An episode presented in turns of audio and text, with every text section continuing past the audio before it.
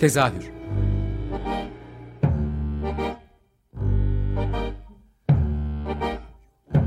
İstanbul tiyatro hayatı üzerine gündelik konuşmalar. What keeps mankind alive? What keeps mankind alive? The fact that billions are daily tortured, stifled, punished, silenced and oppressed.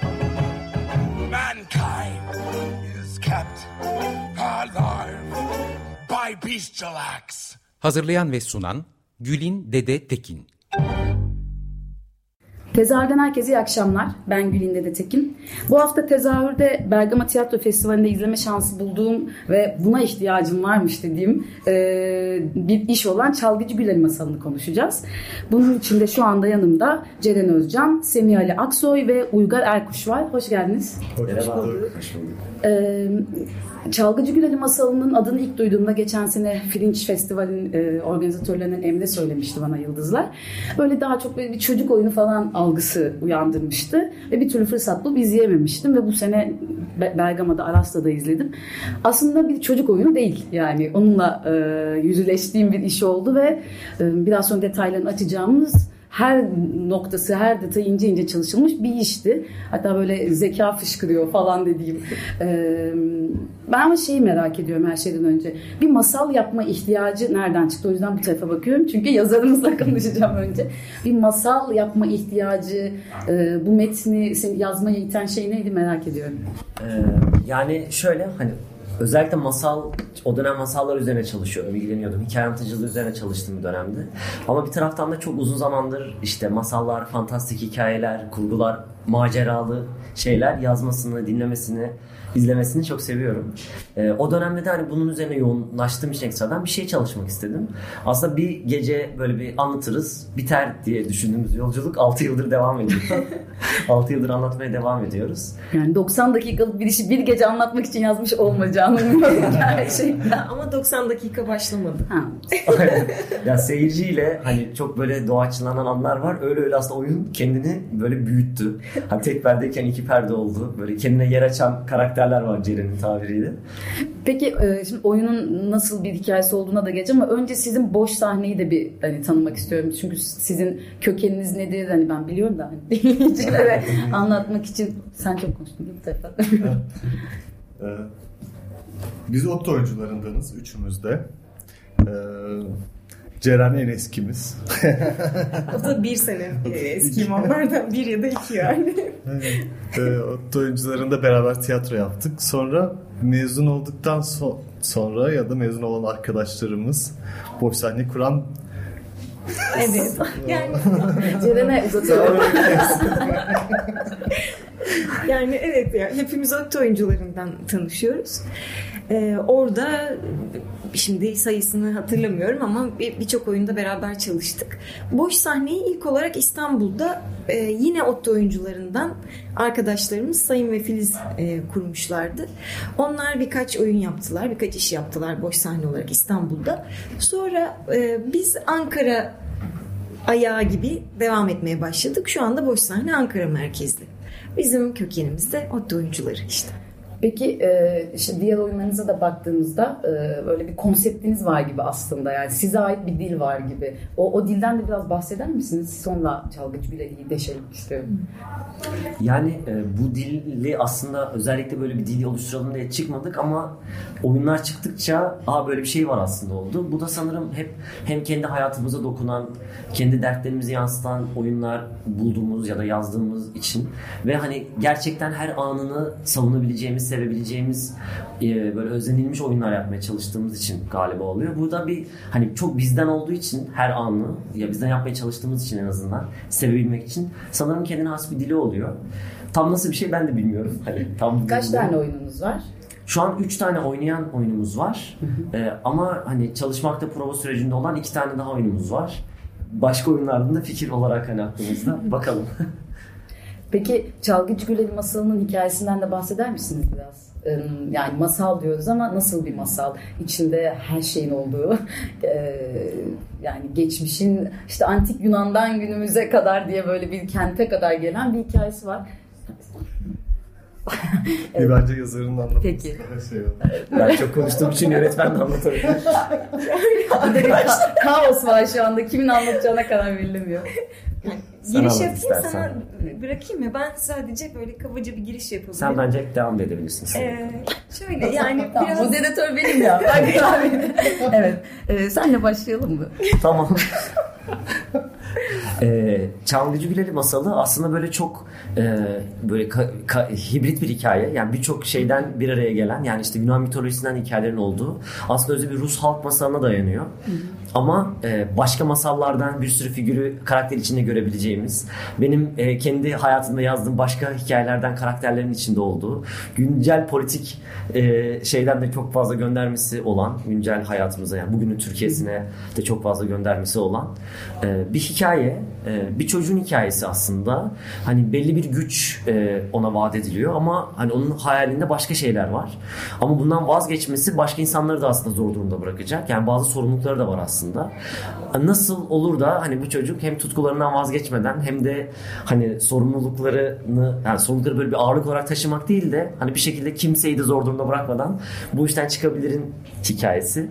Biraz karışık mı anlattım bilmiyorum yo, yo. ama yani bir yani şey bir krallığa krallığa doğmuş bir çocuk var ve evet. e, ama o kral olmak istemiyor. Aslında böyle en basit hikayesi bu.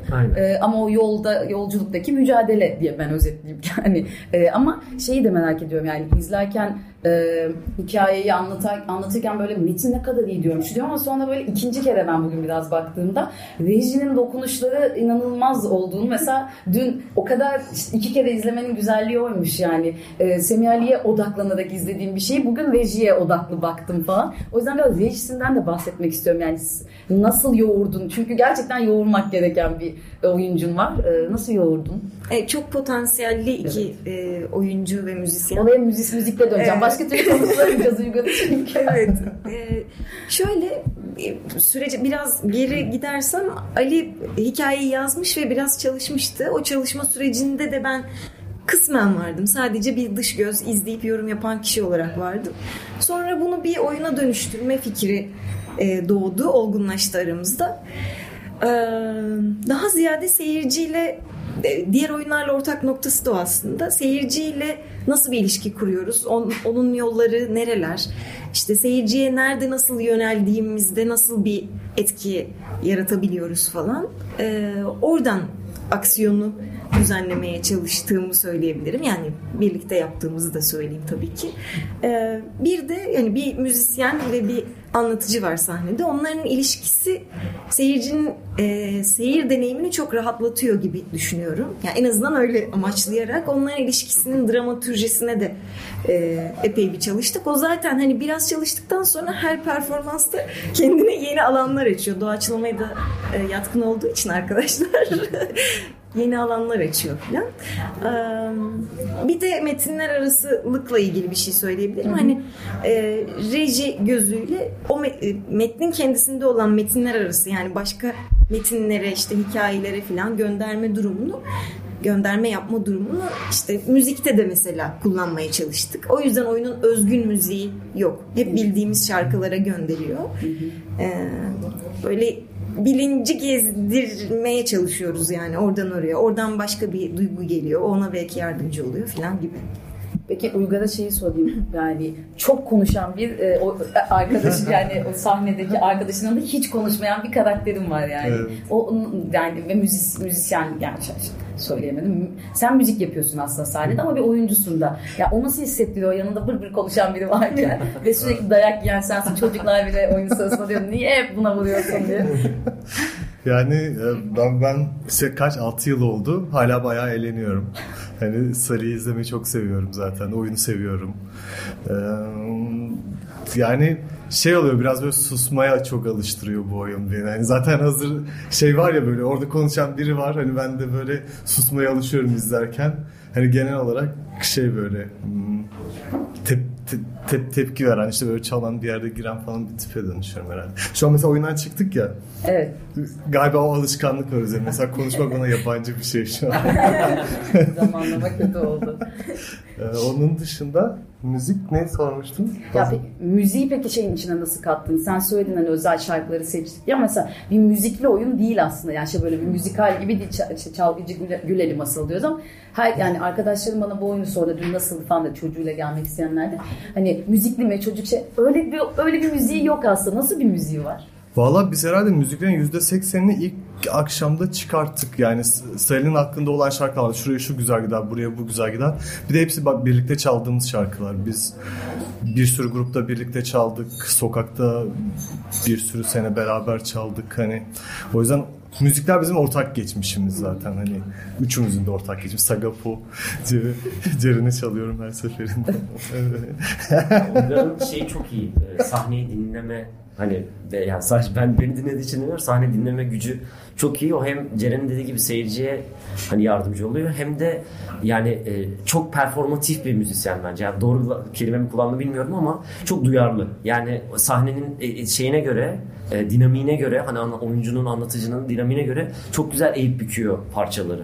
Yani aslında hani daha önce çaldığımız parçalar ama her seferinde hiç çalmadığı gibi çalıyor aslında. Senin doğaçlamanı aslında Uygar da müzikte yapıyor Evet. yani gibi bir durum Hani orada bir sessiz kahraman sahnede sürekli hani bir bass e, e, tutuyor yani ayakta. E, Peki seyirciyle hep böyle seyirciyle iletişimden bahsediyoruz. Çünkü gerçekten oyun çok seyirciyle e, etkileşim halinde. interaktif de değil ama seyirciyle etkileşimde. O nasıl geri dönüşler alıyorsunuz seyirciden? Evet, Ceren'e dön. Ee, onların ilişkisiyle ilgili geri dönüşlerden önce bahsedeyim. Ee, Uygar'ın izleme biçimini onun aslında işte susmasının ve e, bütün dikkatinin Ali'de olmasının, anlatıcıda olmasının seyri kolaylaştırdığını çok söyleyen duyduk. Ya da böyle seyirciyi yansılıyormuş gibi e, oluyor belki de. Bilmiyorum. Yani Ee, gözünü hiç ayırmıyor bir kere. Evet. Hiç. Yani O- bir, bir tutum da göstermiş oluyor aslında Evet. seyirciye bir yandan. Herhalde yardımcı oluyor. Genelde öyle yorumlar geliyordu. Ee, başka? Yani e, bilmem şey yani şey güzel bir his yani hani eğlendiğini görmek insanın devamlı merak ediyorlar. E, bu mu hani bu tarz yani seyirciler ne tarz tepkiler aldık? Yani güzel genelde güzel tepkiler aldık sanırım. Evet. yani ya da hani olumsuz eleştiri, Ağzınızdan laf almak çok zor. olumsuz eleştiri yapanlar en azından bizde çok konuşmadılar diye iddia ediyoruz. de denk gelmedi diyorsun. Vardır kuşkusuz yani var. Hani. ha şöyle oyunun yaş hitap ettiği yaş grubuyla ilgili çok çeşitli Evet onu da soracağım ayrıca. Sen girmişken devam edelim. çeşitli geri bildirimler geldi. Yani e, biz 8 artı diyoruz. E, çocuklar için hazırlanmış bir oyun değil ama böyle aileler de birlikte izleyebiliyor. E, mesela bir aile geldiğinde 8 yaşındaki çocuğuyla çocuk başka bir yerden tutuyor oyunu. E, annesi babası başka bir yerden tutuyor. Onların ortak bir deneyimi oluşmuş oluyor mesela. Bu da bizim için se- sevindirici bir şey. günceli yakalayan yani her sahnede mi güncel yakalanır? Yani o gerçekten inanılmaz. O yüzden hani böyle çok zekice buldum. İşte yani ne oyundan kopuyorsunuz e, ne de oyunda kalıyorsunuz. Öyle çok yani şey böyle çaktırmadan virajlarınız var ve o yolculuk yani midenizi bulandırmıyor. Yani olur ya çok virajlı yollarda gidersiniz. O yüzden de çok keyifliydi. Yani onları da süreç içerisinde mi işlediniz yoksa daha yazım aşamasında mı vardı mesela? Ee, bu yazılması çok aslında süreçsel bir şekilde yazıldı. Yine bir kavram uydurdum yine ama e, yani bu hani bir gene bir genel bir iskelet yazdım. Hani e, belli bir temel hikaye yazdım ama bu aslında 40 dakikalık bir hikayeydi yani. Hani o yaz sadece onu anlattığımızda ama sonra anlata anlata yani önce işte küçük gruplar işte her neredeyse hepsinde Ceren'in olduğu o hani oyun çalışmadan önceki versiyonda önce bir kişiye işte kuzenimin çocuğuna, yeğenime oradan başlayıp daha işte kalabalık gruplar sonra uygar hani gittikçe işte 5 kişi 10 kişi böyle böyle anlat anlat oldu. Sonra onu seyirciyle beraber daha da e, oyun olarak çalıştıktan sonra daha omurgasına oturtup işte bu ilişkimizde seyirciyle olan ilişkiyi, oyunun dramaturjisini daha iyi oturttuktan sonra oyunla beraber de gelişmeye başladı. Ya o an seyirciyle birlikte olduğu için her an ya o göndermeler sanırım kaçınılmaz oluyor. Çünkü hani onun aklına gelen şey benim de aklıma geliyor gibi şeyler oluyordu tam tersi. Ee, Göz göze geldiğimiz aynı şeyi düşünüyoruz o sırada diyorsunuz aslında Evet. seyirciyle. Ya bir gün bir seyircinin verdiği bir tepki mesela seyircilerden nasıl geri dönüşler aslında benim için en güzel geri dönüşler oyuna kattıkları. Yani çünkü bir seyircinin oyuna verdiği tepki oradan bir şey çıkmasına sebep oluyor ve sonra diyoruz ki aha bu güzelmiş hani bu kalsın. Bazı şeylerde mesela zamanla daha e- eskiyor ve onlar da şey almaya başlar. Çok yaşayan bir oyun oldu bizim için şu ana kadar sanırım. Evet kendini güncelliyor sürekli. İşte e, güncelledin ya az önce. Aslında gündeme göre de böyle üzerinde oturup da ne yapalım şimdi nasıl güncelleyelim demeden güncelliyor. O onların daha ziyade becerisi bence. Yani oyun sırasında açığa çıkan oyunun işte %95'i dedin değil mi sen bugün? %95'i çalışılmış ve metni de neredeyse hemen hemen aynı. Ama o %5'lik kısım oyunun tonunu çok değiştiriyor. Yani doğaçlama da başka bir yetenek. O yüzden yani e, senin konuşarak, senin konuşmayarak yaptığın bir doğaçlama var yani. O oyunu başka bir yere taşıyor. Bu hep bildiğin bir şey miydi ya da senin de keza hani müzikte de doğaçlıyorsun yani hep yapabildiğiniz bir şey miydi bu oyunla mı yüzleştin doğaçlama yeteneğinde diye sorayım. Ya yani e, ikimiz de doğaçlama yapan insanlar. Önceki müzik tarafından şey yapacak olursam çünkü Seri de biliyorsun aynı zamanda müzisyen. Evet, Biz da- Çok- çok olmasa da bir şeyler çalıyor sahnede mi? Otto oyuncularına bir sürü beste yaptık birlikte. Ee, öyle. Ee, bu arada ben de çok keyif alıyorum ya. Yani Sarı ile biz şey yapıyoruz. Jet, jet provamız var. Şey yapayım mı kanka? Aynen. Jet prova diye bir tabirimiz var. Ceren olmadığı zaman biz ikimiz böyle bir oyuna çıkacağımızda önceki gün kaç dakika sonra 40 dakika falan sürüyor herhalde. Böyle, böyle anlatıyor böyle falan işte çalacağım. Bir şeyler Dinleyiciler için çok güzel. Şu an Uygar'ın elleri kolları hareket ediyor. Şu an hip hop O adama ben benim oyunu defalarca izlediğimi biliyor ya bir yandan da hani benim de sıkılmamamı istiyor. Bir yandan hızlı falan orada böyle yeni şakalar çıkartıyor. Hani her her anı bir doğaçlama ve çok hani dışarının çok farkında olduğu için de hani hiçbir şey kulağından gözünden kaçmıyor adamın yani. Gerçekten her şeyi yani bir de Aras'ta da izledik biz hani dinleyiciler çok anlamayacaktı belki ama ben hani salonda izlemedim Bergama'da böyle çarşı için eski tarihi çarşının içinde bir kalabalık yani o geçenler, yemek yiyenler, konuşanlar, kahkahalar her şeyi yakalıyorsunuz yani. O, o büyük bir şey yani onu kapsayıcı olabilmek o anlamda. O yüzden diğer oyunlarınızı çok merak ediyorum. Ee, İstanbul'a sorayım. Ben hani genelde İstanbul üzerine konuşuyorum ama İstanbul'a gelecek misiniz? Nerelerde izleyeceğiz sizi? Onları da bir sorayım. Öncekiyle ilgili sadece şeyi ekleyebilirim. Hakan, Bu pardon. oyundaki pardon özür dilerim. Şey anlatıcı yani Ceren'le özellikle çalıştıktan sonra anlatıcı tavrına sanırım o da yardımcı oluyor. Yani diğer oyunlarda da bu var. Ee, hani doğaçlama işte hani mesela başka bir oyunumuz daha var yine anlatı yine müzik anlatı şeklinde. Ama orada mesela birazcık daha seyirciyi şey çağırıyor. Bu sanırım anlatıcının e, çalıştığımız tavrıyla alakalı. Yani Uygar'ı sürekli oyuna katmaya çalışan keza seyirci çünkü Uygar hani seyirciyle bir şekilde şey yapıyor bir anlatıcı var. Tıpkı Güleli'nin herkesin müziğine katmaya çalışması ama bir taraftan sorumlulukların olması gibi. Burada da anlatıcı hikayeyi anlatması gerekiyor bir taraftan ama oyun oyun olmak istiyor. Sanırım o o kip nereden doğru bir tabir bilmiyorum ama o kip doğru olmadığı emin olmadığım tabirler uydurıyorum. Doğaçlama yeteneğiyle burada yakalamıştırdım. O, o halde birazcık arttırıyor sanırım o şey o hali yani. Hani çünkü zaten öyle biri anlatıcı buradaki anlatıcı. Bunu diyecektim. İstanbul'da ilgili de sen. Çok pardon. Bir de giderek daha acımasızlaştı e, Uygar'a ya da oyundaki müzisyene karşı. o da biraz dişlerimizi kamaştırarak hoşumuza gidiyor yani. Ya bu yakın arkadaş olmanın getirdiği bir şeyle de acımadan saldırıyor yani. Çö- dünkü oyunda çocuk dedi ya sürekli adama vuruyorsun diyor. Bayağı dertlendi senin için yani. İstanbul e, sezon boyunca geldik aslında. Böyle çok sık aralıklarla olmadan da e, Çalgıcı Gülali Masalı'yla e, geldiğimiz sahne Bahçe Galata'da oynadık değil mi? Bu sezon hep, Bu sezon hep orada oynadık. bir kere Pirinç Festival'de Enka Açık Hava'da oynadı. Ee, Gelecek sezonda ya da bu sezonda yapabilirsek e, Anadolu yakasına da bu sefer gelmek istiyoruz. Evet.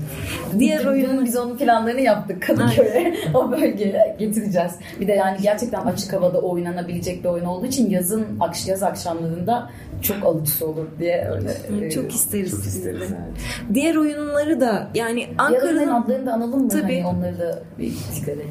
e, Çimidi çocuk oyunumuz 5 artı yaş grubu. Çocuk oyunu diyorum ama o da bir tür aile oyunu gibi.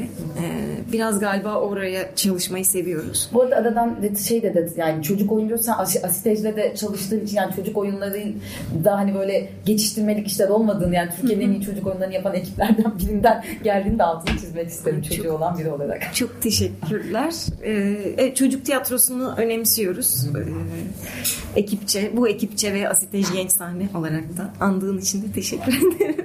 Görevimiz. E, Çimidi öyle. E, Çalgıcı Güleli Masalı 8 artı yaş grubu.